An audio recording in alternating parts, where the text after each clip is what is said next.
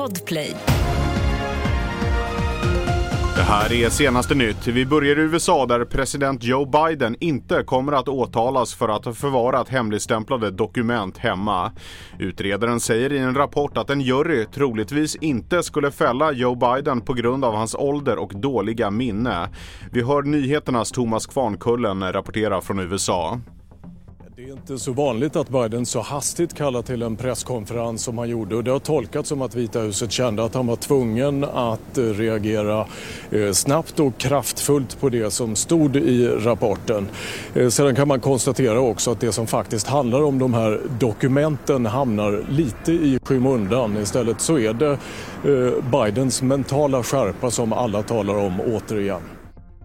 13 danska medborgare har varit inblandade i en svår bussolycka i Mai Hong Son-provinsen i Thailand, rapporterar DR som fått det bekräftat av utrikesdepartementet.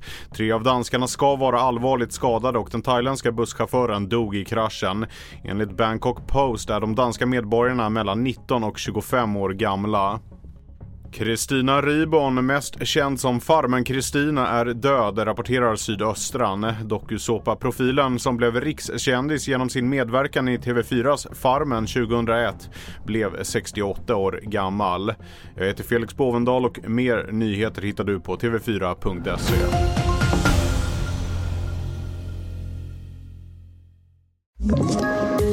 Poddtips från Podplay.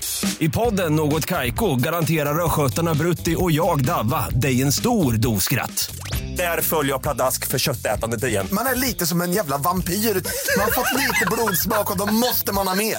Udda spaningar, fängslande anekdoter och en och annan arg rant. Jag måste ha mitt kaffe på morgonen för annars är jag ingen trevlig människa. Då är du ingen trevlig människa, punkt. Något Kaiko, hör du på Podplay. Därför arkadeinerna.